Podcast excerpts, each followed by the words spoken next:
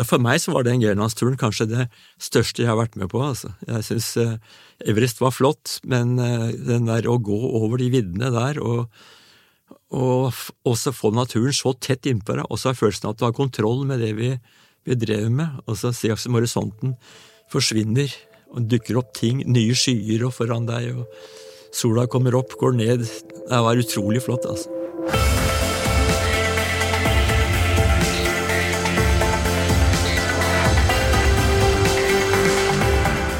Du lytter nå til Utestemmer, Den norske turistforening sin podkast om natur og friluftsliv. Jeg heter Eivind Eidslott, og som mange andre så er jeg dypt fascinert av Odd Eliassen og alle hans fantastiske eventyr i naturen. Odd var første nordmann på Mount Everest. Han var førstemann som klatra Trollveggen, og han har vært på et ukjent antall ekspedisjoner, helst på ski eller med klatreutstyr, i Afrika, Antarktis, Alaska, Himalaya og Sør-Amerika. Men han har aldri holdt et eneste foredrag om turene sine. Han har aldri skrevet artikler eller bøker om de utrolige prestasjonene, og du finner han ikke i sosiale medier. Odd har heller brukt tida si på familien, på snekkeryrket sitt og på nye turer. Nå har Stein P. Aasheim skrevet biografien om Odd Eliassen. Det er en stor ære å ønske begge disse legendene i norsk fjellsport Velkommen til Utestemmer. Velkommen til Utestemmer, Odd og Stein. Takk skal du ha. Takk. Dere ser veldig friske og sporty ut. Kommer dere rett fra et foredrag hos DNT Oslo Main? Ja, omtrent. Ikke fullt rett, da, men uh, Du har vært innom uh, Var det det går, ja? Asker og, og lufta hunden, sa du? Ja da. Tidlig i morges. Nå er, nå er vi her. Hva er det klokkeslettet hunden vil ut på? Ja, Hun våkner alltid, alltid fire-halv fem. Mellom fire og halv fem? Ja da. Og det passer greit for din del òg? Passer greit. Hvis jeg får lagt meg ved nitiden, ja. så passer det bra. I går ble det litt seint. Ja. Men du sitter ikke oppe seint på kveld og, ser på TV-serier? Nei. Nei. Det gjør jeg ikke. Jeg ser på nyhetene. Ja. Og når de er over, da da, Etter barne-TV går jeg og legger meg. ikke sant? det var utrolig spennende å høre på dere i går. Det var altså foredrag hos DNT Oslo Main. Helt uh, utsolgt, for å bruke det ordet. Uh, og det er også, så vidt jeg har skjønt, utsolgt hvor enn dere nå befinner dere rundt omkring i Norges land og rike. Så dette her må vi jo nå anse som et slags substitutt, denne podkastsamtalen her. Som en slags erstatning eller trøst til de som ikke får plass på foredrag. Ja, det kan det være som ikke får anledning til å oppleve oss live på scenen. Så får de nøye seg med praten med Eivind Eidslott. det var mange kjentfolk samla i går. da. Det var jo til og med bonusopptreden ved Bjørn Myhra Lund. Ja var veldig artig.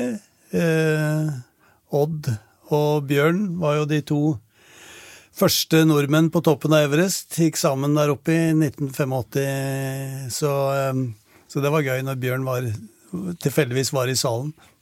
Det var helt utrolig å høre. Mm. Han fikk en, eh, en liten seanse der, han òg. Men du, vi må, vi må, nesten begynne med det, Stein. Du har skrevet bok om Odd Eliassen, en biografi. Kan du huske første gangen du hørte om Odd Eliassen? Eh, ja, eller iallfall den, den tida. Jeg husker ikke akkurat det første øyeblikket, eller første, men det var eh, i forbindelse med Trollveggen i 1965, da Odd var med på den første, første Trollveggbestigningen. Jeg tror det var, det var, første gang jeg registrerte navnet hans. Odd Eliassen og Jon Teigeland eh, var liksom de store eh, ja, forbildene, må jo si det. Eh, og eh, jeg tenkte at det var, de, det var, de, tøffeste gutta i klassen. Um, nei, så, så da Ja, det var første gangen, ja. Hva slags rykte hadde Odd i fjellsporten? Ja, han hadde jo ikke noe rykte den gang, i fall ikke, og jeg var jo ikke mer enn 65, eh, var jeg 14 år eller noe sånt nå. Um, 65, ja, noe sånt. Uh, så iallfall for meg så hadde han ikke noe rykte. Han uh, hadde nok ikke noe rykte ellers i, i miljøet heller, men, men um, ja, nå vet jeg jo litt mer om han enn, enn jeg visste den gang. Men jeg bare skjønte og så og leste at det de gjorde, var, eh, var heftig, da. Var liksom rått og eh, og appellerte til eh, ja, det er et eller annet i meg. Ja. Kan du huske, Odd, når du hørte om Stein P. Aasheim første gang? Ja, jeg tror det. Det var på et sånt eh, Du hadde gått Norge på langs og holdt et eller annet foredrag i, i Bregruppen, tror jeg det var. Ja, I DNT? I DNT, ja. På slutten av midten av 70-tallet? ja hva var det var, da? Ja, altså Norge på langs var i 1976. Nei, det kan ikke ha vært det. Da må det ha vært noe tidligere enn det. Hva tenkte du om han da? Nei, hva tenkte jeg da? Eh,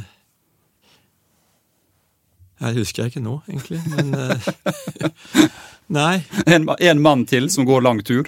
1976 var jeg i Afrika, så da, da kan det umulig ha vært. Jeg trodde det var i Bregruppen. Ja, Så jeg kan jo ha holdt det foredraget seinere, etter at du kom hjem. og sånn. Det må ha vært det, tror jeg. ikke. Ja. ja. Du holder ikke foredrag, Odd, men du går på andres foredrag? Ja, jeg har alltid vært alltid syntes det har vært, eh, vært veldig eh, interessant å høre på. Ja. Det er noe eget eh, nå med å reise rundt sjøl. Ja. Litt nytt. Du får, du får nye, nye innspill, ja. Du Ja. får, eh, ja da. Så bra. Og lever litt på eh, som drømmene.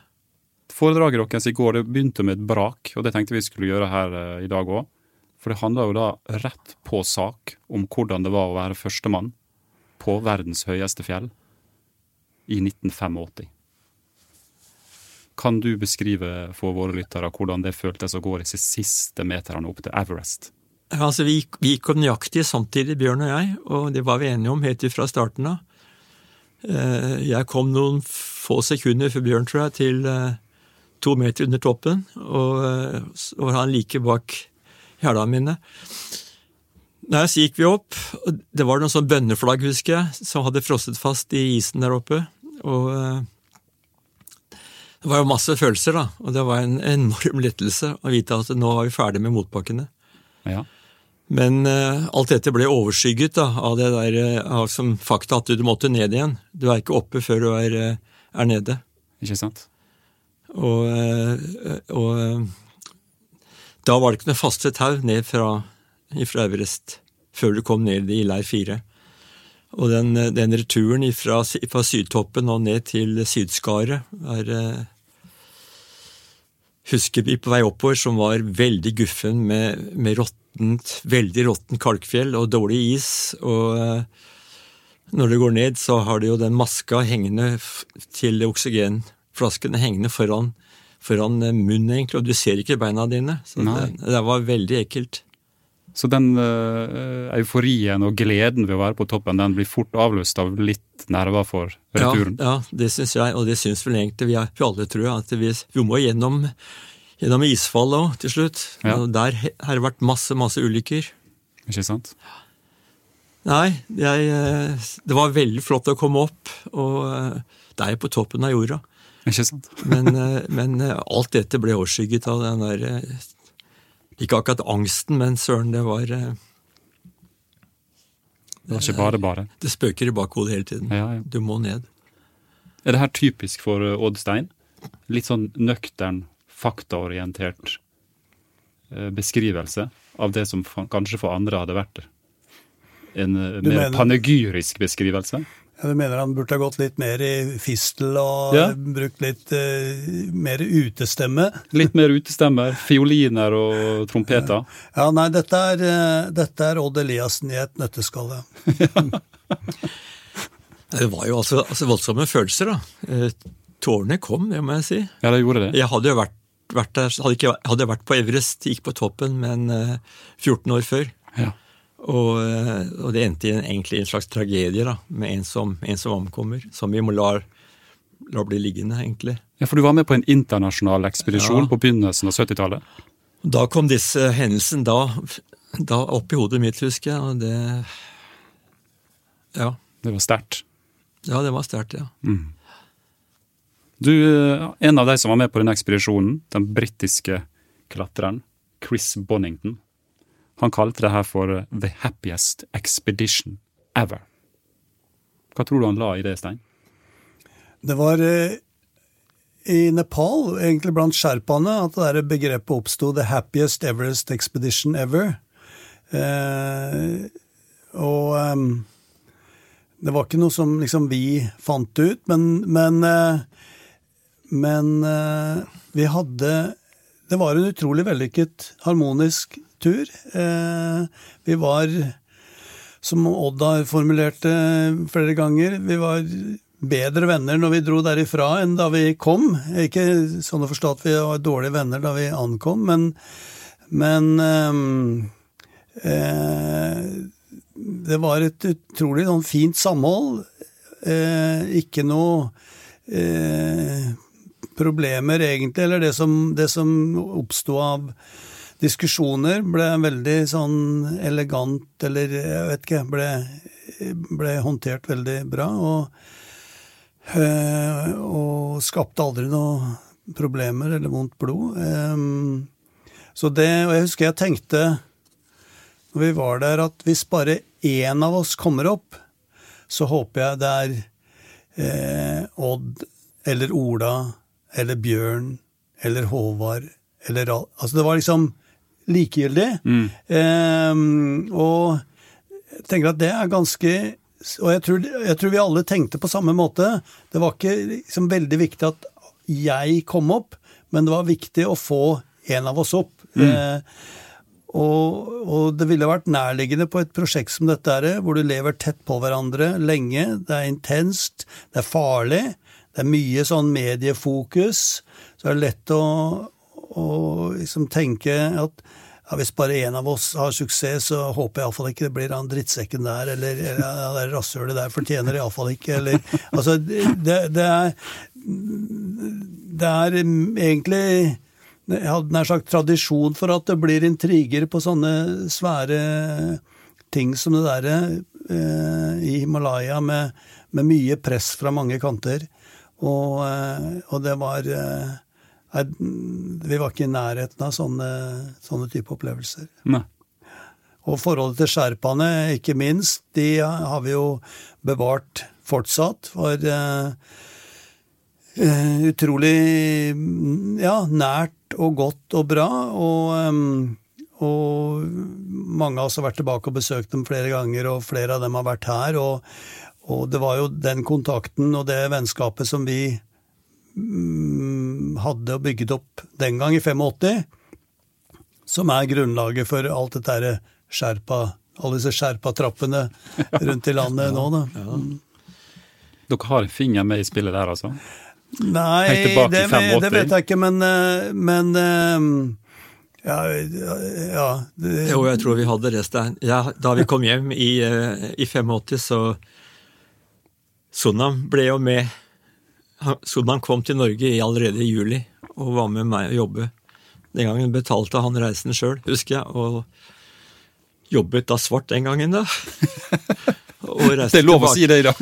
ja da, han fikk, fikk betalt for, eh, for, hver dag han jobbet, ikke sant, og samlet penger, la de i, inni skoene sine da han skulle tilbake til Katmandu. Oh, ja. For å smugle de inn. Nederst under I dollar, da. Ja. Og, og vekslet det inn i Norge. Og eh, kom tilbake neste år, betalte billetten tilbake igjen sjøl. Fantastisk. Ja, og så samme året kom jo Angsering, andre sherpaen. Ja og jobbet med oss med, sammen med han Bjørn Vike. Med, jeg vi jobbet for DNT med hyttebygging. da. Ja, ja, ja. Og de var med å, å sjaue og grave og uh, etter hvert bygge opp, opp, fundamenter. da. De er jo ikke håndverkere, de er jo det er høyfjellsbønder, karavanefolk, egentlig. Men utrolig til å jobbe, da. Ja, ja. De bare jobber og jobber, og de uh, Nei, utrolig flotte, flotte typer. Vi må komme tilbake til mer av uh, alt det du har gjort for DNT etterpå. I hvert fall det, det var den, den måten den der stein, hvis det skjerp meg trappen ja, ja. etter, hvert, etter hvert kom inn. for at han, Det er morsomt å høre. kom jo han Geir Vette inn i bildet. For det ble for mye for oss å organisere dette her. Og så fikk vi litt kalde føtter, tror jeg, med hensyn til de skattemyndigheter. Og, men nå er det organisert med de betaler skatt, og de, de tjener jo enormt ja, med penger i forhold til i Nepal. da. Traff senest på et uh, arbeidslag nå opp uh, fra Vetti til Vettismorki i sommer. Ja. Så holdt de på for å utbedre stien opp til fossen. Ja, og til den nye DNT-hytta. Ja, ja, ja, flott. Men vi må spole litt tilbake. For vi må helt tilbake til hvordan i all verdens land og rike du blei sånn en friluftsmann, og så interessert i fjellsport. For jeg skjønte at uh, det begynte jo her i Oslo sentrum, egentlig, med en relativt turinteressert far. Ja, han var relativt turinteressert, mildt sagt, tror jeg. Han, han, gikk på ski når det var uh, før Kostnø, når det var rim på gresset. Rim, det var nok? Det var nok, ja. Vi hadde en sånn plen hjemme, husker jeg. Da gikk han rundt av huset på den plenen. Ja. Det, det er det jeg husker, da det var hvitrima. Han gikk rundt på Både plenen? Både på høsten og på våren. etter Hadde han som mål å få gått på ski flest uh, mulig av årets måned? Nei, det tror ikke Ja, nei. Altså, han samla ikke mil, sånn som jeg har gjort etterpå, egentlig. Han, han, uh, han, Det var det å være ute, tror jeg. Han uh, han hadde råd til å gå på ski, i hvert fall, og, ja. og dro meg med så, så, tidlig jeg kan huske, egentlig. Inn, til, inn i marka. Altså, jeg tok eh, Holmenkollbanen opp til Frognerseteren, Voksenkollen var det vi begynte fra, egentlig. Ja. Da var det kortere vei innover i løypenettet, da. Og inn til Kobberhavhytta, kikke ut. Og han dro jo meg over Bjørnsjøen noen ganger, husker jeg. Jeg var så sliten, så det Han bare dro det over? Ja, jeg bandt et tau rundt maven, og så og dro over. Jeg skjønte at Skiforeningen hadde også et tilbud til den som kom først fram ja. i løpet av en lørdag eller søndag. Ja, Jeg tror de ville, ville egentlig spre trafikken, at ikke alle kom ved ni-ti-tida på ski. Ja. Og at Trikken begynte å gå, gå, kvart på sju, og vi bodde da en, borte på Sagen, et stykke unna, unna Majorstua. Og eh, bussen gikk kvart over sju, så vi, vi hadde ikke bil. Så vi gikk på ski når det var skiføre. Så gikk vi på beina til Majorstua, og så eh, første trikk opp. Ja. Vi var jo ikke det eneste, da. Eller si de var vi til å begynne med, kanskje, men uh, de som kom først og kikk ut, de fikk eh, gratis kakao og jeg mener jeg også er bolle. Ja. Og det, det. Det var målet mitt, da, å få den kakaokoppen, og så Og så er bolle. Og så Seinere så lanserte Skiforeningen en form for distansemerke, ikke sant? Ja. Kan du huske hva, hvor langt du måtte gå for å få gull? Jeg mener det var enten 40 mil eller 60 mil i løpet av et år. Det var sånn stemplingskortet, da. Ja. Du stempla mellom visse punkter, og så kunne du legge til da Det var egentlig målt da i luftlinje mellom. Så kunne du legge til 25 tror jeg, på, på den distansen ja. for å få reelle Det var jo sympatisk. Ja. Noen var kanskje Altså i Bjørnsund, så var det helt rett. Linje, da, da, tjente du på, på å legge til 25% og Andre tapte du, men sånn grovt, så nei, vi Jeg tror jeg kom opp i, opp i, opp i tre gullmerker på det meste i løpet av en, eh, en, vinter, da. Oi, oi, oi. Hvor gammel var du da? Det var akkurat ferdig med Ja, det måtte ha vært i femte-sjette klasse på skolen. Ja. Det er tidlig å gå så langt? Ja. Var du ivrig med startnummer på brystet også? Nei, jeg, jeg tror jeg, jeg har gått ett et skirenn, tror jeg. Det var i militæret.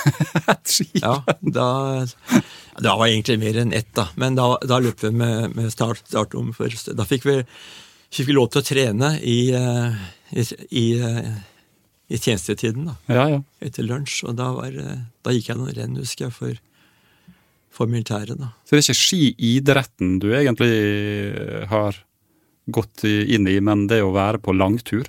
Ja. Det er det som frister? Ja, ja å være i gang, egentlig. Ja. ja.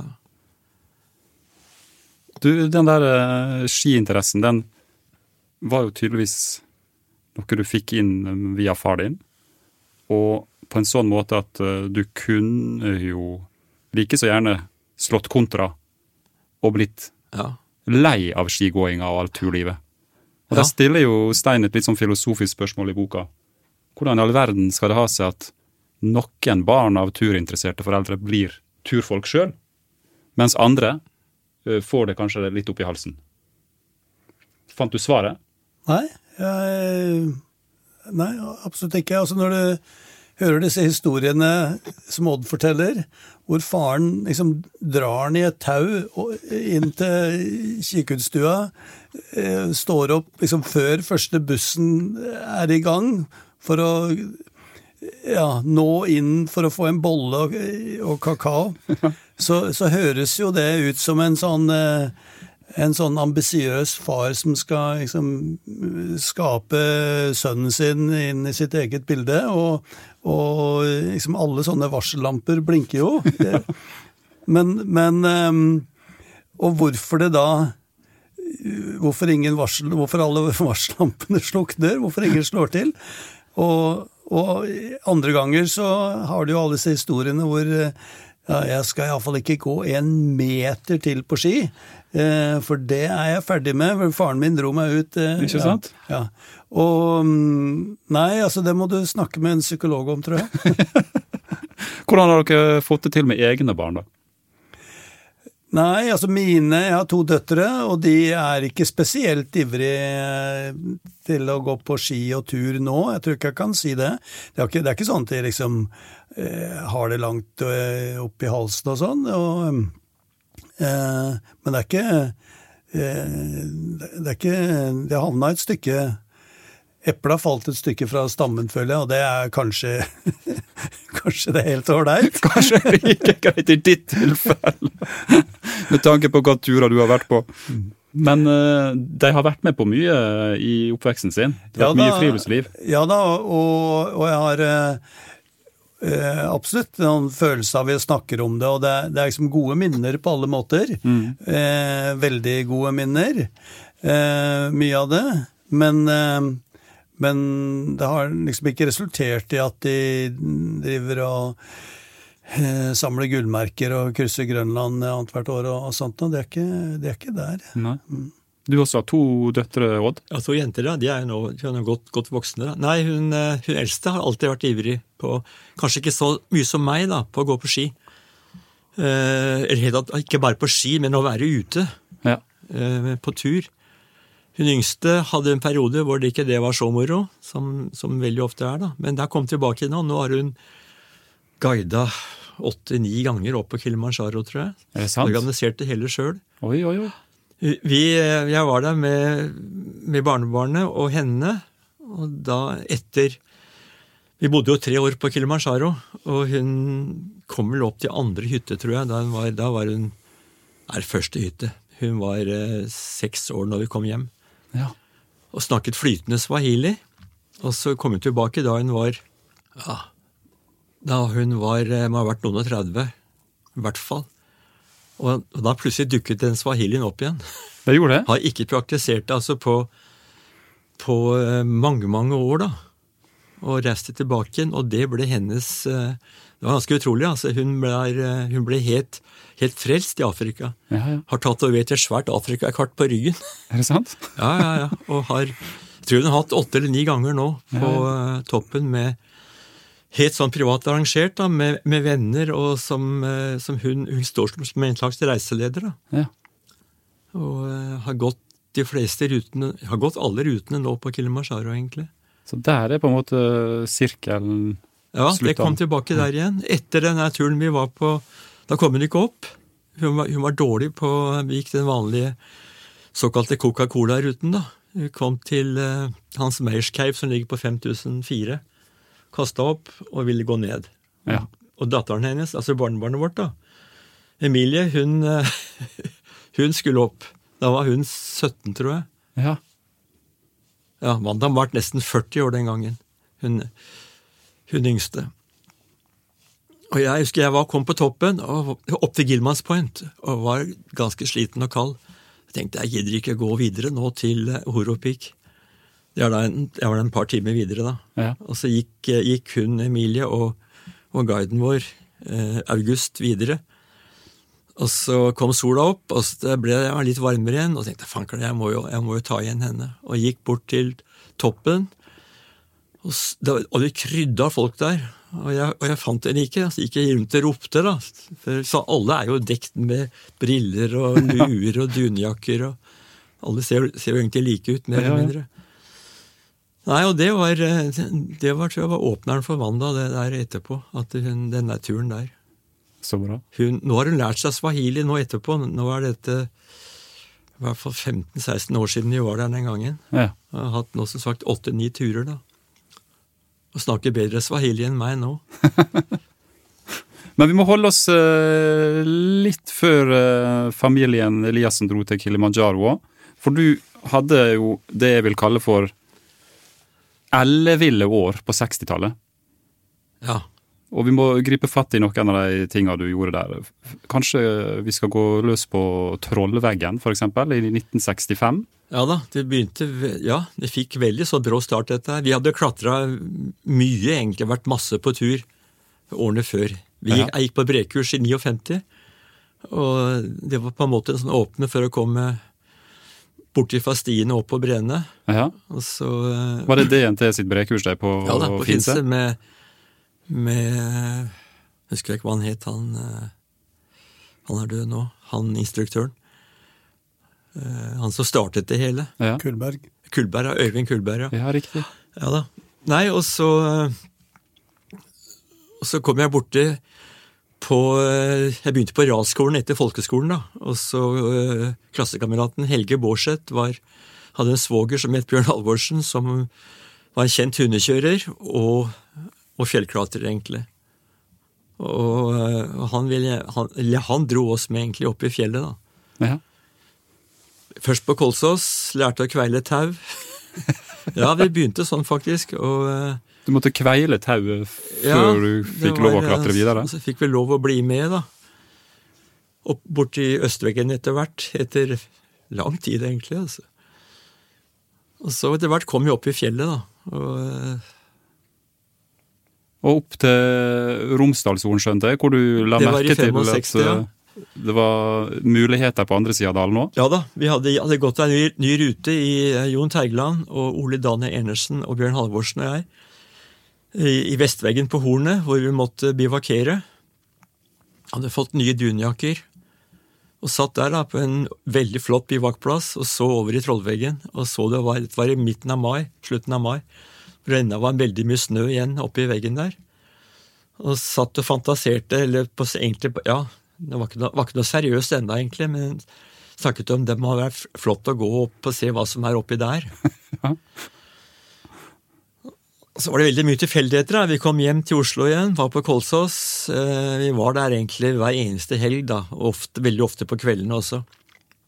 Og klart, altså, Det dukket opp en, eh, en ny person, eh, Leif Norman Patterson, som kom fra norsk-amerikaner som bodde i, eh, da i Vancouver i, eh, i Canada Ja. som, skulle, som hadde kommet over for å prøve på Trollveggen, mens hans klatrekamerat måtte bli igjen i Amerika. Og var uten, uten klatrefølge. Og spurte, fortalt, ja, spurte om, vi, om noen hadde lyst på å bli, bli med og prøve på Trollveggen. Han spurte om det der oppe Ja. under Kolsåstoppen. Ja, et, etter hvert, ikke sant. Ja. Og det hadde vi jo, da. Hadde lyst til det! Ja, vi, ja vi hadde, vi hadde, det ble etter hvert at vi, eh, vi planla et, etter hvert mer og mer, da. Ja. Og så eh, kom det en godværsperiode, og vi dro av gårde til, eh, til Romsdalen i slutten av juni. Ole Daniel kunne ikke bli med den gangen. Han, eh, han var i jobb og kunne først komme til helgen. Men så, så ringer Ole til noen kontakter vi hadde i Åndalsnes. Han hadde møtt helt tilfeldig en gjeng engelske klatrere på da englandsbåtene kommer til kai på Akershus-kaia. ja. Kom til snakk med de. De hadde lessa ut av bager med, med tau og klatreutstyr. Og spurt hva de skulle. Jo, de skulle ut i Romsdalen og klatre. Og prøve på Trollveggen. Og da var vi allerede kommet opp og fått etablert et slags basecamp oppunder opp, Egentlig helt i ro og fred. Så sier Ole at nå må vi komme opp på ruta vår før engelskmennene kommer. Plutselig så ble det nest. Plutselig ble det, ble det et ras, ja. Men så kom engelskmennene, da, og de hadde valgt et helt, helt annen rute enn vi hadde gått for. ja. Mye lenger til høyre. Men eh, da roet det hele seg, og vi, vi eh, var på besøk til hverandre. Vi lånte utstyr av hverandre og eh, hadde det innmari hyggelig og fint da, med de. Så det ble som forbrødring der? Det ble eh, forbrødring, ja. Vi har jo holdt, hatt denne kontakten hele tida til nå, altså. Hvordan vil du beskrive ditt litt sånn medieskapte kappløpet den gangen mellom norske og engelske klatrere i Trollveggen? Hvem kom først opp? Ja, altså Nå var det jo for så vidt nordmenn som kom opp først noen timer før eh, britene. Eh, og avisene var jo syntes det var stas og var opptatt av det. Men det er jo interessant å høre eh, Odd sin versjon, og jeg har jo snakket med, med engelskmennene seinere òg, og, og de, de, sier jo det samme. Det var jo ikke noe, eh, det, det var ikke noe konkurranse i veggen. Det, det, begge lagene var opptatt av, var at eh, den ruta, den linjen de hadde valgt, ikke var, ble tatt av de andre. Ja. Og, og, når da viste seg at eh, de hadde tenkt på forskjellige linjer, så slappet, eh, så slappet de av. Og da eh, Alt dette her konkurransegreiene, det, det eksisterte eh, ikke i det hele tatt der oppe. Jeg la merke Men, til at du skrev i boka at teamet til Odd til og med hadde en hviledag og bada i elva. Ja, de var, altså både engelskmennene og, og dere var nede eh, av forskjellige grunner. I Flere ganger har jeg ned, ned, ned og besøkte engelskmennene, og egentlig bare for å prate og, og ha det gøy, da. Det er jo fantastisk å høre, fordi det, det, forteller om en litt annen form for konkurranse, ja. Ja, eller det er jo ikke noe konkurranse i det hele tatt. Det, det, var ikke det som var viktig for noen av dem, å være liksom førstemann opp trollveggen, men, men selvfølgelig å få prøve ut den ruta de sjøl hadde valgt, eller de mm. hadde valgt. Det ville vært eh, ergerlig for dem begge hvis, eh, hvis eh, det var et annet lag som liksom hadde starta dagen i forveien. Eh, Men litt deilig var det vel å være første gruppe opp? Ja, det må du Ja, det var det jo. Det var, klart det, det var det, men, eh, men ja, Siden det er norsk jo. vegg. Men vi, vi, kunne se over til engelskmennene, vi kunne av og til rope, hadde kontakt, ja. snakket med dem. Og det var, eh, det var det aldri, tror jeg, noe sånn, eh, noe sånn eh, at nå, nå, må vi forte oss. Vi, vi, tok det med ro, og vi ja, Vi tok det ikke med ro heller, egentlig, for det ble jo Vi, vi hadde begrensa mat og vann, ikke sant. Vi mm. måtte jo opp. Ja. Så, men det var, ikke, det var overhodet ikke noe jag. Og at vi kom opp noen timer før de, det var helt, helt tilfeldig. Vi var da nede i Åndalsnes da vi hørte at vi, vi så, eller hørte de var oppe. Ja. Da var ikke kommet ned. Akkurat kommet ned omtrent. Det var da en, neste, neste morgen. Vi kom opp ettermiddagen, og de var oppe tidlig neste morgen. Ja. Lenger unna var det ikke. Etter tolv dager, da. 13 dager. Tolv netter var vi hadde oppi der, tror jeg. Ja. Men det er jo et annet aspekt, syns jeg, med, med, den bestigningen. Altså, du sier at vi hadde jo masse erfaring. Eh, som om liksom, det er gamle, rutinerte fjellklatrere som har holdt på i titalls år. Eh, Odd var altså 21 år gammel, eh, så han hadde liksom, mye erfaring i den grad det er mulig innen du er 21. Jon Teigland hadde gått et begynnerkurs eh, i, eh, i Innerdalen, som DNT hadde den gang, i samarbeid med Olav Innerdal to år i forveien. eh, og og Trollveggen var jo var blitt ansett som ubestigelig. Den var, den var, det ikke mulig å klatre. eh, ifølge um, den lokale Tindesportshelten eh, Arne Randersen. Eh, så, så det, var, det var liksom helt utenkelig. Og her kommer disse herre unggutta for så vidt med så mye erfaring som det er mulig å få fra du er eh, liksom 16 år til du er 20, men, men eh, med en slags sånn eh, Altså De må ha opplevd seg som udødelig, eller iallfall en pågangsmot, som som du ikke ser mye av i dag. Eh, altså, ikke hadde de brattkort, ikke hadde de gått tradkurs, ikke hadde de gått kurs i plassering av egne kiler. Faren til Odd lagde trekiler av eh, eik, eller hva det var, som fortsatt står igjen oppi der, som de hamra. Og, og, og eh, det, det, var eh, Det var liksom en, en sånn eh, ja, et trøkk og et pågangsmot som, eh, som var eh, imponerende. Altså. Det, det, er klart, det, er klart, vi kan klatre Trollveggen, liksom. Jeg gikk jo på begynnerkurs i fjor. Ja, nei, altså vi var, vi var vold- voldsomt pågående, men du kan si etter, altså det, uten, uten Leifs driv og, eh, og pågangs, eller pågang, da hadde, vi, hadde det aldri blitt noen Trollveggen den sommeren, sommeren, tror jeg. Og han eh, norsk-amerikaneren var litt eldre enn dere? Han var 31 og hadde voldsom erfaring både fra Amerika og, ifra, og klatret i, eh, i Andesfjellene, Ja. i Peru og i, i, i Bolivia, da. Og, eh, Men for din, for din del, det hjalp det å være 21 år, og så du har den litt sånn naiv, optimistiske innstillinga ja, jeg man har. tror det. Du er litt sånn blind, egentlig. Ja. Du er blind for farene.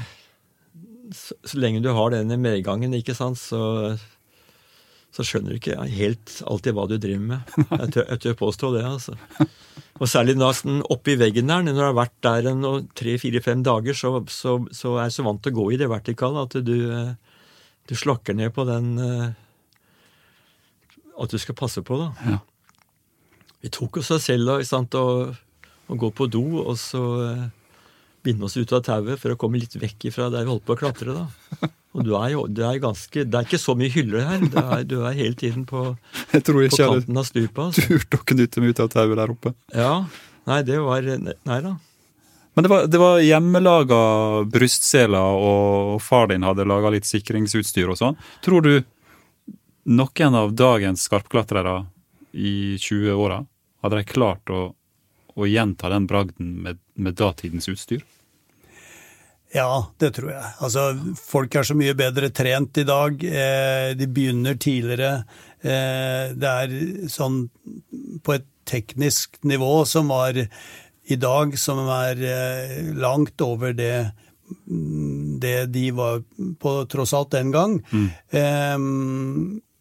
Og jeg tenker også med det, sjøl om du skulle ha brukt det gamle utstyret, så så eh, det tror jeg kanskje vi må erkjenne. Men, men igjen, der, det derre eh, vågemotet og, og, lysten og viljen og nysgjerrigheten til å hva skal jeg si, utfordre det ukjente, den, den er det ikke mange som besitter i, i dag. og jeg husker, jeg har snakket med disse gutta i forbindelse med, med boka. Jon Teigeland og Ole Daniel Enersen og, og Odd, som er de tre som er igjen. Leif Pettersen omkom i et snøskred for, for, i Nord-Amerika for mange år siden. Mm. Um, og, og, Jon fortalte jo altså Etter at han var ferdig med, med begynnerkurset i Innerdalen, så dro han til fjells og begynte å klatre. og etter det så gikk han eh, aldri en De gikk bare nye ruter, bare nye ting. Bare, rut, bare steder hvor ingen hadde gått før. Ja. Liksom fra dag én. Eh, og, og eh, Ja, det, det For meg så er det en eh, Ja, det er iallfall en type eventyrlyst, da. Type nysgjerrighet, type vågemot, som eh, ja, som, du ser, som du ikke ser mye av i dag. Ja, ikke sant? Året etterpå så var jo da Jon sammen med engelskmenn bort og, og, gikk nye ruter borte ved Bispen og Eller på, på Kongen og Dronninga, egentlig. Mm. Ja, Fra Dalen. Svære ruter, altså. Ja. Og uh, Ole og jeg prøvde jo på, på Karlsgråtin, tror jeg, året etterpå allerede, og måtte, måtte snu, da, men uh, Dere ville prøve nye ruter? Da var det nye ruter, ja. ja. Ivar og jeg gikk jo, gikk, gikk vår første norskbestigning på, på engelskmennenes rute et par år etterpå. da. Ja. For å se åssen det var. Og Hvordan vil du beskrive de to rutene opp mot hverandre? Hvem synes, hadde valgt den beste linja? Jeg synes vi hadde den Altså, vi kom opp på toppen. Engelskmennene kom opp i et skar. Ja. Men kanskje klatringen var, var, renere og ikke så mosete og grumsete som, som ruta vår. Vi gikk jo rett, rett opp til Varden. Vi kommer opp opp gjennom et svært, svært overheng. På toppen av den svære veggen da, så klatrer du 40 meter, og så er det opp og inn på en svær hylle, og der er Varden. Og der var det var ettermiddagssol og stille, fantastisk vær. Vi kommer opp i et skar da, hvor en må gå, gå, videre opp til toppen til fots. da. Ja. Jeg tror de hadde, du kan jo korrigere meg, to litt sånn ut, forskjellige utgangspunkt for å legge rutelinja i Trollveggen, som gjorde at, at de i allerede utgangspunktet valgte forskjellige ruter. og det var liksom direttissima som var det store, det nye ordet, liksom loddelinjen til topps i disse her store veggene. Ja. Så når, eh, når de begynte, så, så startet de ja, der hvor franskeruta, for de som er lokalkjente i, i Trollveggen, går i, i dag. For de få som er det. Ja. Ja, det var den ja. Mm, Og, og um, måtte gi seg der da det ble dårlig vær, men, men iallfall så som Odd sier, den, den norske ruta kommer rett opp på høyeste punktet. Den liksom, Mens eh, engelskmennene var opptatt av å finne den, liksom den naturlige eller den letteste linja på et vis gjennom veggen. Eh, Sjøl om den da førte ut eh, og endte opp eh, ja, litt til høyre for, for eh, eh, toppen, da. Em, For den engelske ruta ble senere kjent som Rimmon-ruta. Det er Rimmonruta, som ble liksom normalveien i Trollveggen, da. Eh, var i, i, ja, i alle år, egentlig, inntil det gikk et stort uh, ras i Trollveggen for uh, ja, 10-15 år siden eller sånt noe. Og, og, og som tok med seg mye av Rimmonruta. Mm. Så nå har norskeruta da eh, fått ny popularitet av de siste årene. For den, den går litt i venstrekant av veggen og unngår disse her eh, steinsprangområdene. Mm. Så den står sånn som den var i 1965. Ja, jeg tror det. Ja. Jeg snakket med noen som har vært der oppe, og de sier de, det fortsatt, fortsatt henger noe tau igjen som vi ikke vi fikk med oss. Faste tauer, og trekilene er der. De er på plass. Ja, de var laget av eik, så de, de råtner ikke opp så fort. De står der. Du Odd, du møtte jo eh, kjærligheten også, du, ute i naturen. Ja da. Eh, Var det på samme hylla på Kolsås? Faktisk, det var det. Det var på, gårdsplassen, ja. Ja. Hun kom fra Svalbard, hadde, hadde eh, jobbet der oppe et år, overvintra, som det het den gangen, da. Og kom til Oslo og hadde lyst på å begynne å klatre. Men hun, hun var ikke norsk? Nei, østerriksk. Ja. Men eh, kom til Norge i, eh, allerede i første gang eh, rett etter krigen. altså. Hun haiket da til Bergen sammen med en venninne fra Østerrike. Og reiste hjem igjen og hadde lyst på å jobbe her, da. Og fikk seg jobb i Bergen som, som tanntekniker. Og dro til Svalbard for å se, se mer av Norge, egentlig. da. Ja. Og ble veldig fascinert av eh, det går på ski. da, Han gikk jo på ski i Østerrike òg, men eh, det er jo sånn alpint. Ikke noe sånn tur, turski, egentlig. Nei, og så ble det, ble det varme følelser, da. Det var to eventyrlystne sjeler som møttes der, Ja da. Hun var veldig eventyrlysten. sier du. Ja, men ikke sant eh, altså, man så Overvintre den gangen på Svalbard, det er noe helt annet enn i dag.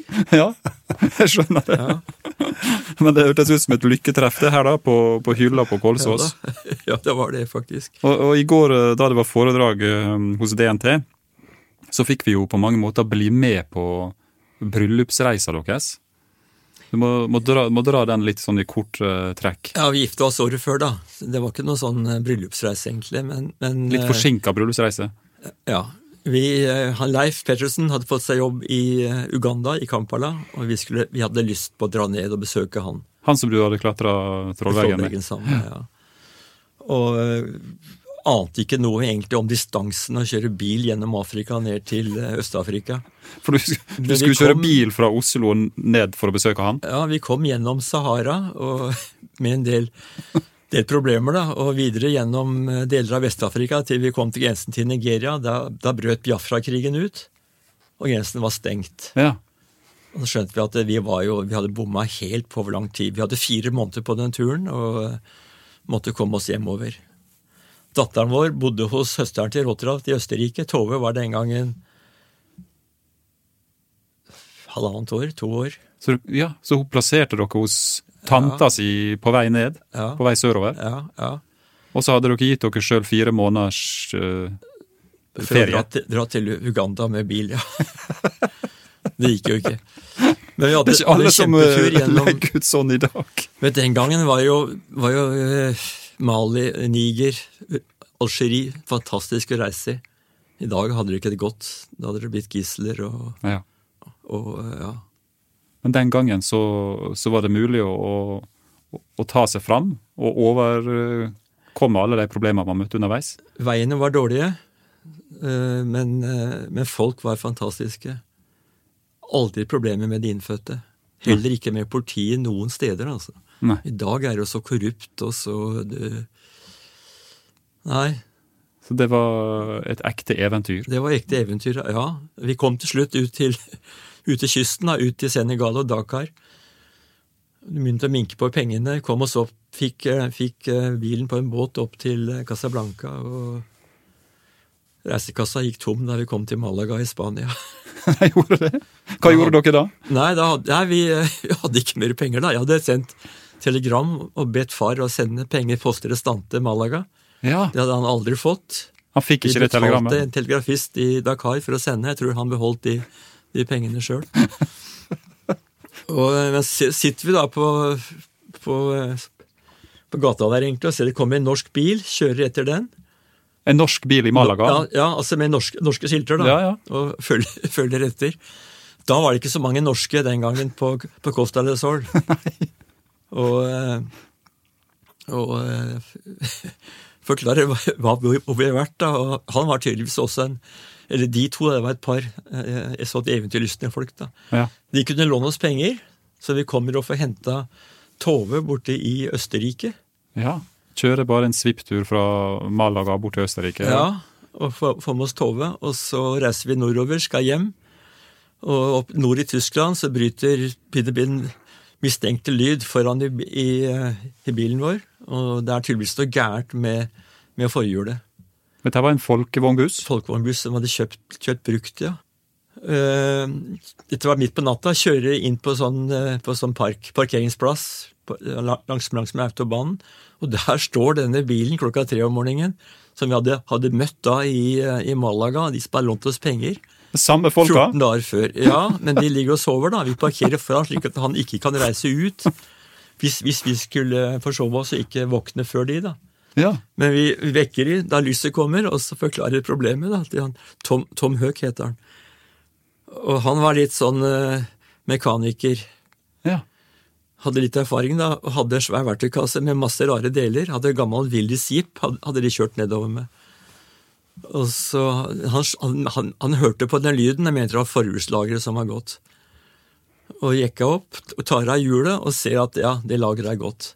Så mente han han hadde en, en sånn reservedelskasse med et lager som kanskje kunne passe, og det passa. Vi setter på nytt, legger, legger på, på, fett, og kjører, vi kjører til Kiel og selger båten. og Der selger, selger bilen, mener jeg. og og tar Kilebåten til, tilbake til Oslo. Ja. Med bagasjen vår og Tove. Dette er en vanlig, vanlig, måte å være på tur på, Stein, og, og oppleve disse tingene? Nei, altså som jeg har formulert det, det er Dette er den gang det var et eventyr å være en eventyrer. Og de har gitt seg sjøl fire måneder for å kjøre i en gammel folkevognbuss gjennom Afrika. Og, og altså det var jo masse som skjedde underveis som man nå har, har, hoppet over. Og de kom jo ikke lenger enn til Roma før de hadde innbrudd i bilen og fikk frastjålet alle kart, alle, navn på alle kontakter, passene, alt, alt som det, liksom, skulle legge grunnlaget for resten av turen. Så, så liksom Der startet det, da. Og, og, og ikke noe ikke, ikke, noe mobil, ikke noe internett, ikke noe Du ringte og hadde ikke noe kontakt. Liksom Hvordan går det hjemme? Det,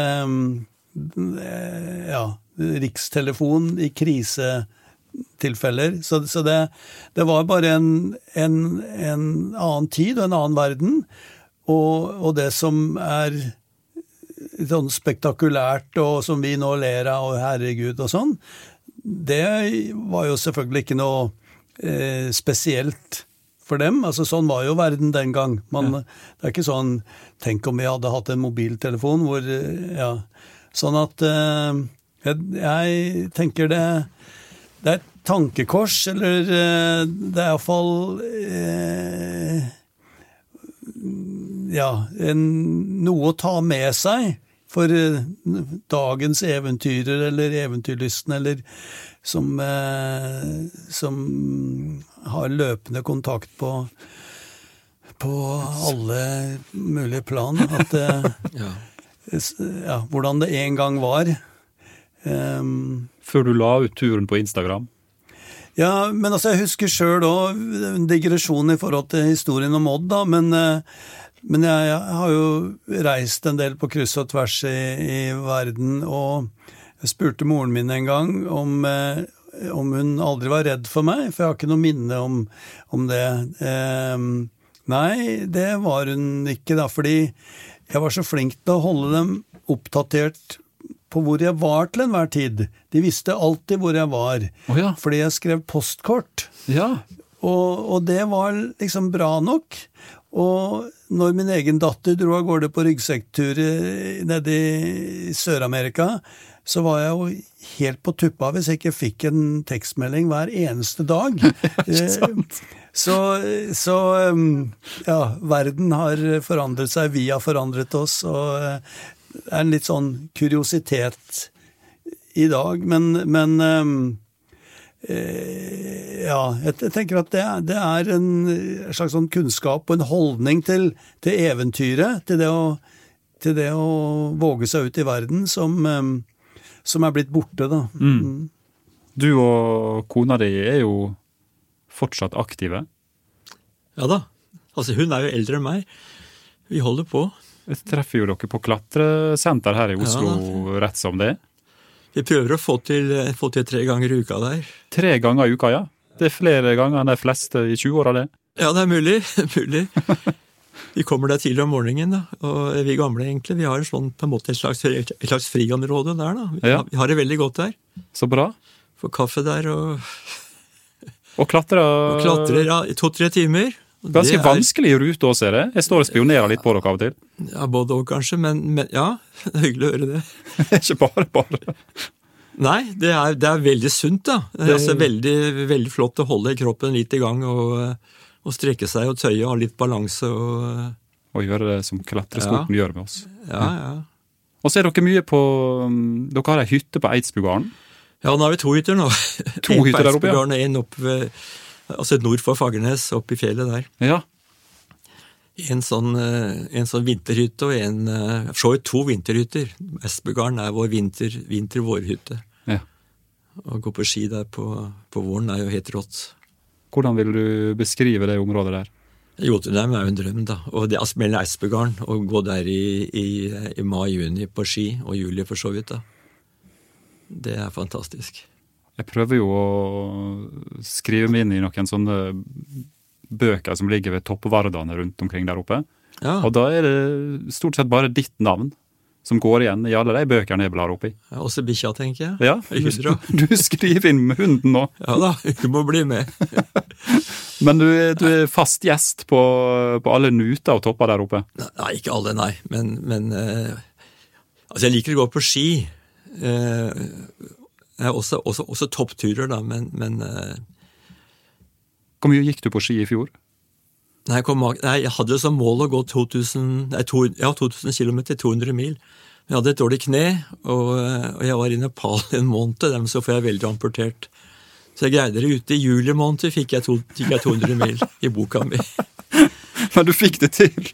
Ja, På tross tross av en måned i Nepal. Ja, jeg sleit med kne i mye av januar, og så gikk det en måned nesten i, i Nepal på beina, Ja, uten, uten ski. jeg skjønner. Tror du det er mange andre på Odd sin alder som går 200 mil på ski? Nei, det tror jeg ikke. Eller som leder fem pluss i klatreruter. Og...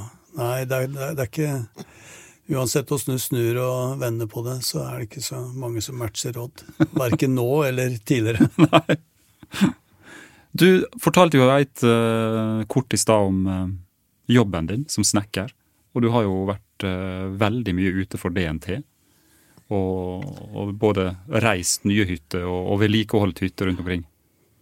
Ja, jeg har, vært, jeg har vært veldig heldig som fikk den muligheten til å jobbe i fjellet. Det har vært en, en drømmejobb. Eh, For da er det typisk sånn at du, du får et oppdrag, gjerne ei hytte som ligger langt ute i hytteheita, og, og så reiser du dit med, med verktøy og, og, og en plan, og så, og så blir du der til det er gjort. Er ikke fullt så, fullt så gærent, egentlig, men, men uh, sant, du har med deg telt. Du, eller ligger bare for under presenningene til å begynne med. da. Og Forsøke å få reist så mye som mulig av hytta mens vi er der første økta. Og så kunne komme tilbake og kanskje, kanskje flytte inn, da, og så bo inne.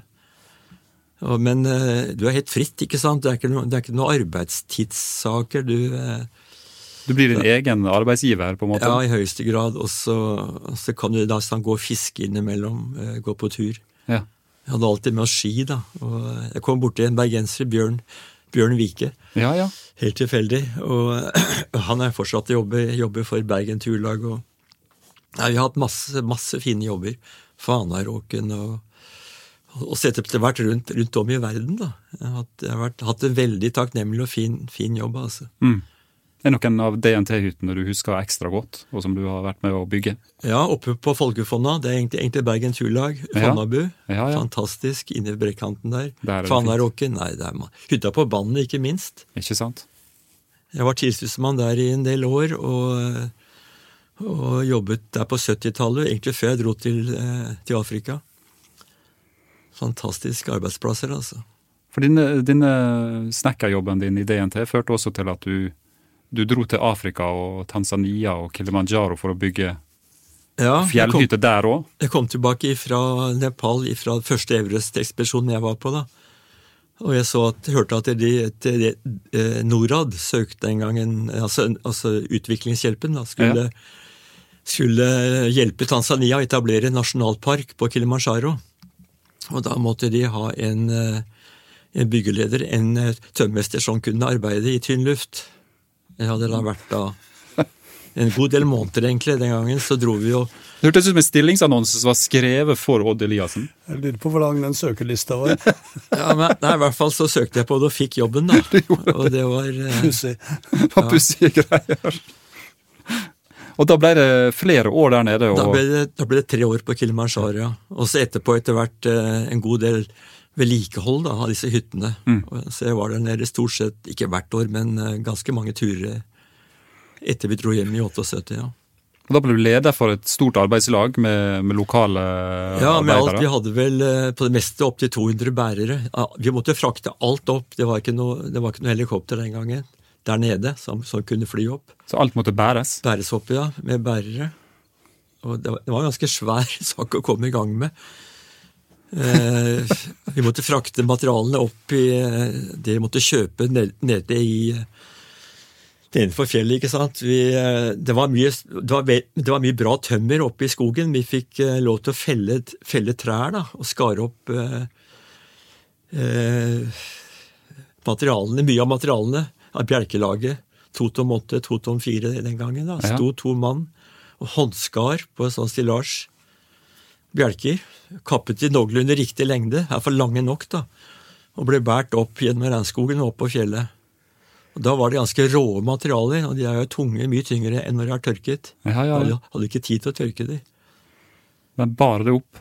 Bare opp, ja. Vi, vi tok opp over 900 sekker sement, kjøpte jeg, husker jeg. Jeg tror ikke alle de sekkene kom opp til eh, øverste hytta på Kilimanjaro, men eh, jeg tror mye av det forsvant ut i systemet. Det er sånn. Inn, inn, i, inn i private hus og Ja, ja. Ja, Litt ja. svinn. Eh, Men det er jo, altså, det er jo utviklingshjelp, det òg, egentlig. Det er det.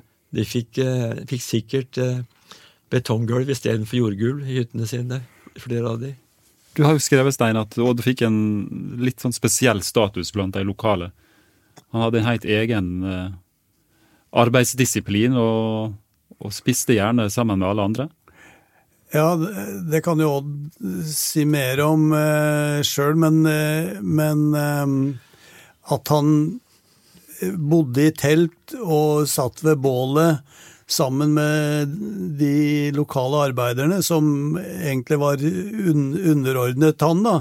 Eh, det, det var nok noe helt nytt i Øst-Afrika for afrikanerne når det gjaldt forholdet til de hvite. Det var jo eh, tradisjonelt en overklasse som sto med tropehatt og dirigerte eh, med pisk. Og Odd var den som jobbet hardest av alle. Eh, og fikk enorm respekt. Jeg har jo vært der nede flere ganger sjøl, og, og, eh, jeg, og, også sammen med Odd, eh, for så vidt. Og eh, ser den Altså, han er jo som en gud der nede, og den, den gleden og den respekten og den hvordan det er, hvor stas det er med, med Odd Eliassen i, i jungelen der. Det er, er helt Det er skikkelig rørende å oppleve. Og du hadde det jeg vil kalle for en aktiv fritid mens du var der og bygde hytte. Du gikk på ski, blant annet, for det var snø ja, på Kilimanjaro. Ja da, jeg savna så fælt, fælt årstider og, og, det å gå på ski. Uh, så jeg fikk ned et par ski, og da det var mens jeg jobbet på Kibo-hytta, på den øverste hytten på 4700 meter. Derfor er det ca. 1000 meter opp da, til toppen. Ja. Så jeg fikk de opp, og så gjemte de der oppe, da, på, oppe på kraterkanten. Hadde egentlig noen flotte turer på ski eh, fra Gilmans Point opp på toppen, opp til Horopik ned i krateret. Og så, og så utforbakke nedover mot Gilmans Point igjen, og så opp hjemme skia, og så ned og ned da, på kvelden ned på hytta igjen. Den gangen var det vant til høyden, så det gikk jo egentlig ganske kjapt å gå opp. Ja. Var godt uh, akklimatisert? Ja, veldig godt akklimatisert. Vi bodde jo, vi bodde jo hele uka oppe i, opp i nesten 5000 meter. og... Uh, og var nede bare noen par dager i helgene, opp igjen på mandag, mandag morgen. Det er ikke så mange som har vært på ski på Kilimanjaro? Nei, det er mulig at det har vært noen andre, men det er iallfall helt sikkert ingen som har gått så mange mil på ski på Kilimanjaro som han. Det ble ikke så mange mil, tror jeg, men det ble en del Jo, det ble kanskje noen mil til slutt. Men uh, det er bare det å kunne gå på snø igjen, og, så, og skli den vesle bakken ned, til, ned fra Horopik ned til uh, Så lenge det var snø der, da ned i krateret og, så, og, så, og stake nedover ned mot Gilmans Point. Ja. Du skal 100 meter ned i et sånt nå, og skal du opp igjen da. Og så Nei, det var, det var lykke, det der. altså. Hvor mange turer ble det til topps på Kilimanjaro? Ja, på skitur ikke så, kanskje åtte-ti ganger. Men på to, ski. totalt, da? Ja, tror, tror jeg 75-80 ganger. Ja, med for oss som ennå ikke har vært der, så, så virker det som et litt høyt antall. Siste året så holdt jeg på med sånn redningstjeneste. altså man kunne, skulle lære opp en, eh, en sånn en eh, redningsranger da, i den parken. og ja. Da ble det mange turer over fjellet med de. ikke sant, og med, Vi måtte altså bivakere oppå der og ja. var på nabotoppene. Det er jo en, altså en drømmejobb å gå med disse afrikanerne. og eh, Nei, det var, det var helt utrolig flott. Fantastisk event. Vi lå, vi, lå, vi lå, alltid ute uten telt. Var, vi skulle aldri ha med oss telt på Kilimanjaro, husker jeg, med de rangerne. Vi lå altså i huler den gangen, der innen under steiner. og ja. Alt ble laget på bål av mat. Fantastisk. Og vi delte som sagt maten alltid, ja. Det er fine minner, altså. Det var det. Ja, det oi, var en utrolig fin tid, egentlig. Og så har jo dere to vært på en masse spennende eventyr sammen. Der er jo flere eksempler på det i boka, men en av ekspedisjonene som for oss uh, lekfolk virker ekstra fascinerende, er jo den turen dere hadde sammen over Grønland, i Nansen sine skispor. Ja, ikke bare skispor, men jeg holdt på å si Nansens eh, underbukser og klær. og sovepose. Ja, For det var en rekonstruksjon ikke sant, av 1888-turen til ja. Nansen? var i 1988, 100 år etter eh, Nansens kryssing. Vi ville starte der hvor han startet, avslutte ja. hvor han startet, starte på samme tidspunkt, og, og rekonstruere så langt det lot seg gjøre. Det bekledning og utstyr og ski og sleder og mat som han brukte i, i 1888. Um, og vi var jo nysgjerrig på liksom, hvordan, hvordan, artet det seg? Hvordan, selv om du selvfølgelig aldri får eh, altså Det er umulig å gjenskape 1888, um, men, men det var ja, så godt som mulig å gjenskape utstyret, da, de fysiske rammene rundt uh, turen hans. Hvor, hvor, krevende var det? Og eh, jeg hadde det hadde slått meg at alle som liksom snakket om hvor krevende det var, og det var liksom et slit og det ene med det andre, det var liksom skrivebordshistorikere som hadde god greie på historiske kilder, men, men lite greie på det å bevege seg mm, ute i terrenget på ski og ligge ute.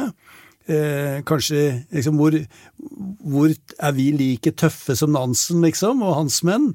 Eh, det var Det lå liksom under prosjektet, da, for å, for å bruke det uttrykket. Og vi gikk jo på Nansens dagbok og Nansens etappe. Vi hadde proviantert i forhold til eh, tidsbruken hans. Så hver kveld så satt vi da med kartet eh, og liksom hvordan ligger vi an i forhold til Nansen? Liksom ja. To etter Fridtjof og, og, og, hva det nå var. Um, og, og, den derre spenningen, eller usikkerheten, eh, som var stor da når vi, når vi, la i vei.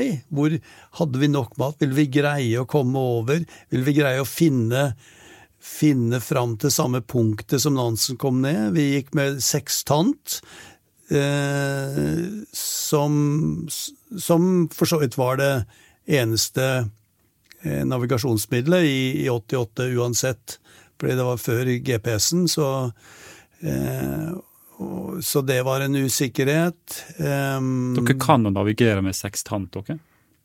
Vi kunne da til slutt. Odd kan jo fortelle. Kunne og kunne, jeg vet ikke. Men i hvert fall, vi hadde, en av oss hadde gått på et sånt eh, navigasjonskurs på Sjømannsskolen. Ja. For å lære GPS. da. Nei, for å lære sekstant, mener jeg. Ja. Og første, første dagen vi, vi, hadde jo sol, så tok vi en sånn solhøyde da, for å se hvor vi var. Vi hadde gått da, noen dager oppover på isen. Og vi var, vi var langt, langt unna, unna Grønland da vi, da vi kom på den, eh, på den, posisjonen vi skulle være på. Var vi var i nærheten av Orkenøyene, tror. Ja, og vi skjønte vel egentlig, egentlig ingenting hva vi hadde gjort gærent. Så, det var litt far å tro. Men heldigvis så hadde Jo tatt med seg en bok som het Teach Yourself Navigation. Ok. Ja, og han Jo er eh, For en fin tittel. Jo er ganske kjapp, egentlig, og satt og leste den boka og, og, tenkte og grubla og kom til at vi hadde gjort en eller annen, en eller annen brøler, tydeligvis. Og, eh, men vi visste jo fortsatt ikke om dette var riktig. Det var den prikken vi satt der vi skulle være. Det var nærheten av der vi var, det skjønte vi. Men om det var riktig, det hadde vi jo ingen garanti for. da. Nei. Så går vi over toppen og nedover mot vestkysten og ser de første fjellene. Og aner jo ikke om vi kommer ned på riktig sted. Vi har jo enda igjen godt med mat, da. Men det, jo, det var jo kommet ut i slutten av september. Og eh, vinteren kommer jo. Så eh, ser vi mer og mer av fjellene, og så skjønner vi at det er jo i nærheten av der, der Nansen kom av. Så ser vi plutselig en varde på en sånn stein. Ja. Et godt stykke unna, unna brekanten, egentlig, og det er den varde Nansen bygde.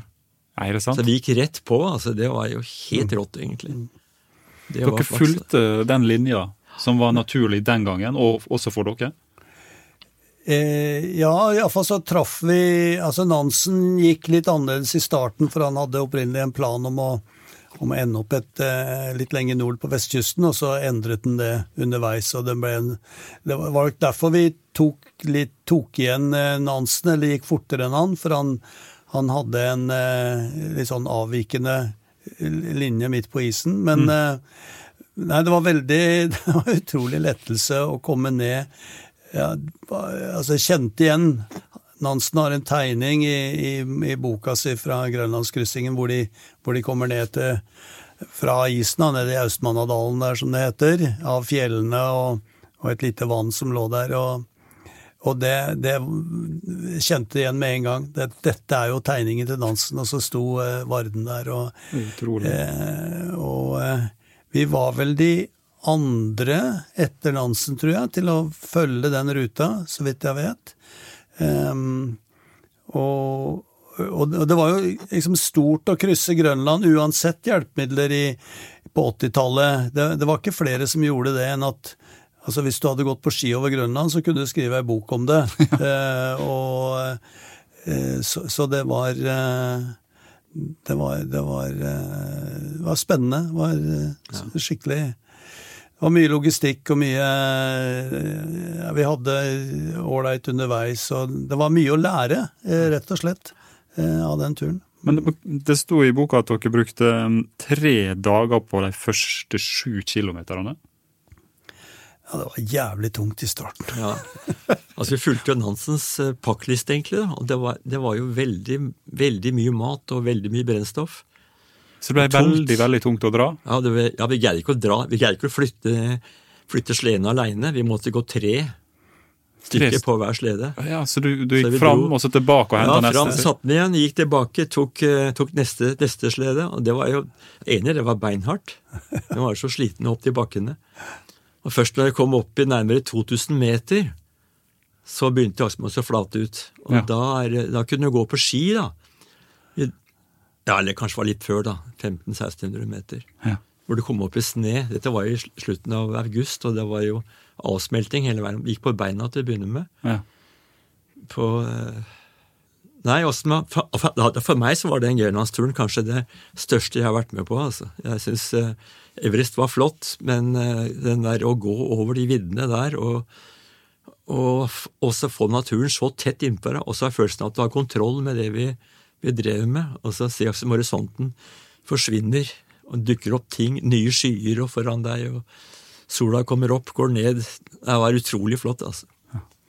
Hva tenker du om det, Stein? Nei, det, det er en av de eh, Og jeg blir rørt når jeg tenker tilbake, og når jeg skal, eh, skal fortelle det nå. En av de liksom fineste, tenker jeg, sterkeste opplevelser jeg har hatt eh, i fjellet med, med kamerater. Når vi sto innpå der en av disse her morgenene, husker jeg. Vi gikk om natta for å få best mulig snø og skiføre, og, og fikk hele soloppgangen eh, og, og fargene som endret seg fra bekmørket til sola kom opp. Og fantastisk eh, eh, himmel, himler. Og vi står der i en, i en pause på natta, og Odd ser utover dette her landskapet. og og han, med den CV-en som han allerede da hadde, i 1988, da sier han at eh, jeg, har- aldri kjent naturen så tett på meg. Jeg har aldri vært så nær på naturen som, som nå. Eh, og eh, ja, det gjorde inntrykk.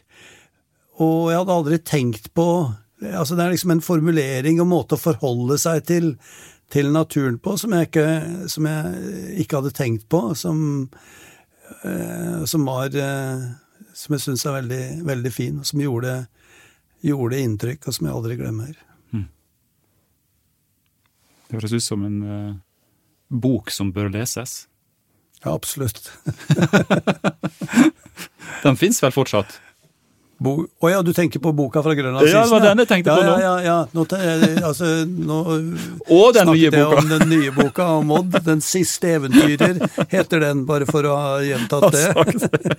Den uh, finnes på en bokhandel nær deg. Men, um, men uh, vi skrev, eller jeg skrev en bok fra den uh, grønlandskryssingen òg. Og brukte tittelen, eller ikke tittelen, men brukte utsagnet til til Fridtjof Nansen som tittel på boka, 'Vestkysten eller døden', som Nansen eh, sa. Eh, og nå, ja, nå, nå finnes den bare antikvarisk, men den, den, er, den, er, jo, den er jo oppdrivet her og der. Mm.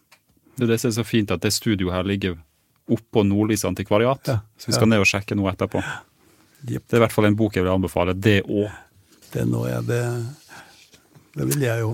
Vi skulle jo gjerne snakke om alle turene dere har vært på sammen, men det rekker jo ikke. Så man må nesten gå til innkjøp av uh, dine Den siste, siste, eventyrer heter boka. Sa jeg det? eller? Ja, du sa det. For alle som ønsker å ha samlede verker av Stein P. Aasheim i bokhylla. Vi er mange av deg rundt omkring i landet. Og kanskje utenlands òg. Ja, ja, ja det, er, det ikke så mye som er oversatt.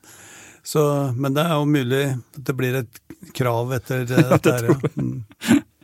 Men eh, selv om tittelen er 'Den siste eventyrer', så tenkte jeg at vi kunne bruke den siste lille stunda vi har her nå, til å få noen råd og tips fra to levende legender. For det kan jo ikke være sånn at det siste eventyret er gjort. Det må da være flere eventyr igjen, tror ikke du det, Odd? Ja, det er masse. Det er masse? Ja, Det er egentlig bare å komme i gang, og så Er det lov å låne din notatbok? Jeg har aldri hatt noen notatbok. Du har ikke, skrevet ned på? Nei, jeg har aldri skrevet en dagbok. Nei, du har ikke det? Nei. Og du har ikke skrevet ned de turene du nå drømmer om heller? Et sted? Nei. Du har dem bare her inne i, Ja, det i hodet? ja, ja. Me- Mer eller mindre ligger det i hodet, ja. Nei. Altså, jeg, altså jeg, har, jeg har begynt å skrive, skrive dagbøker, men det har kokt bort hver gang. Ja. Jeg skriver de første dagene, og så blir alt så intens, egentlig, og du Nei, har jeg faktisk ikke hatt en dagbok, altså. Nei. Har du et råd da om hvordan man kan bli Odd Eliassen og Stein P. Aasheim i dag? Nei, sett i gang, og uh,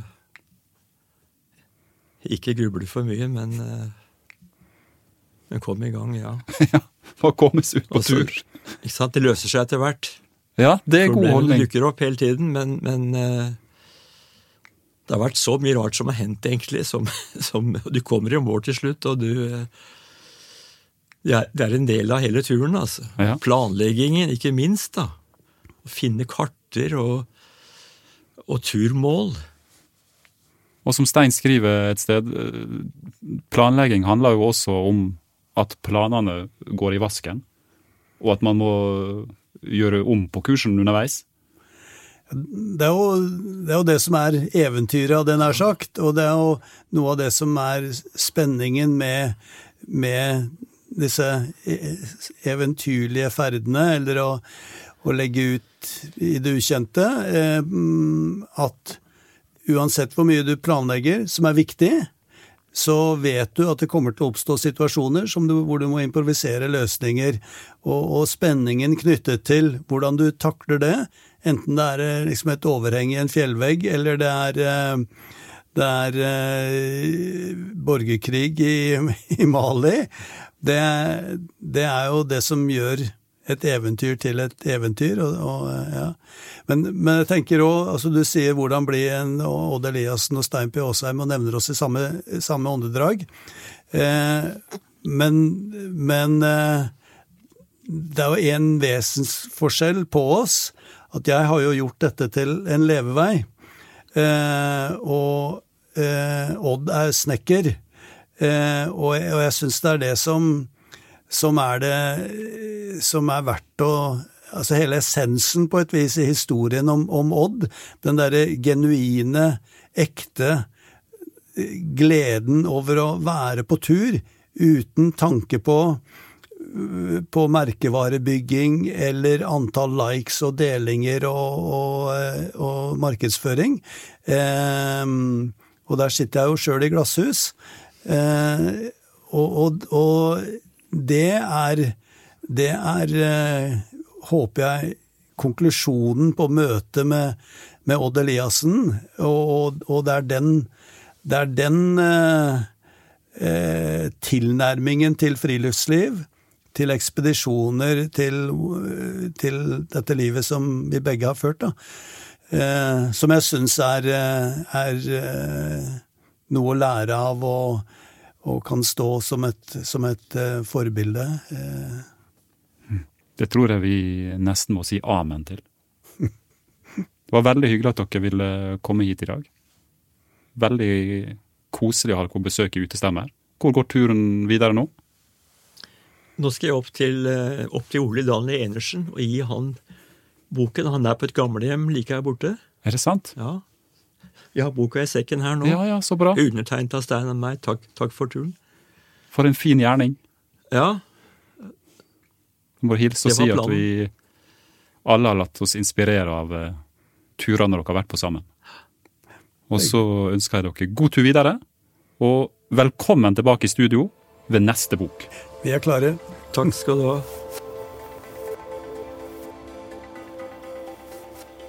Du lytter nå til Utestemmer. Vi håper du har lyst til å rate oss i podkastspilleren din, og gi oss tips og innspill via e-postadressa redaksjonen krøllalfa dnt.no. Utestemma er laga med støtte fra Norsk Tipping, en av DNT sine faste samarbeidspartnere. Norsk Tipping er stolte over å kunne bidra til at enda flere får gode opplevelser i naturen, og vil takke alle foreninger og frivillige som tilrettelegger for dette.